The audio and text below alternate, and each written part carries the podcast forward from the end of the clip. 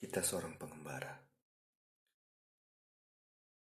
yang tak pernah tahu ke mana arah kita. Bahkan, kita telah mengembara ketika kita masih berupa sebuah benih. Hingga akhirnya, kita selalu berusaha menentukan arah tujuan hidup kita sendiri. Tetapi kita tidak mampu melakukan hal itu sendiri tanpa bantuan kompas tak kasat mata. Bandung 2019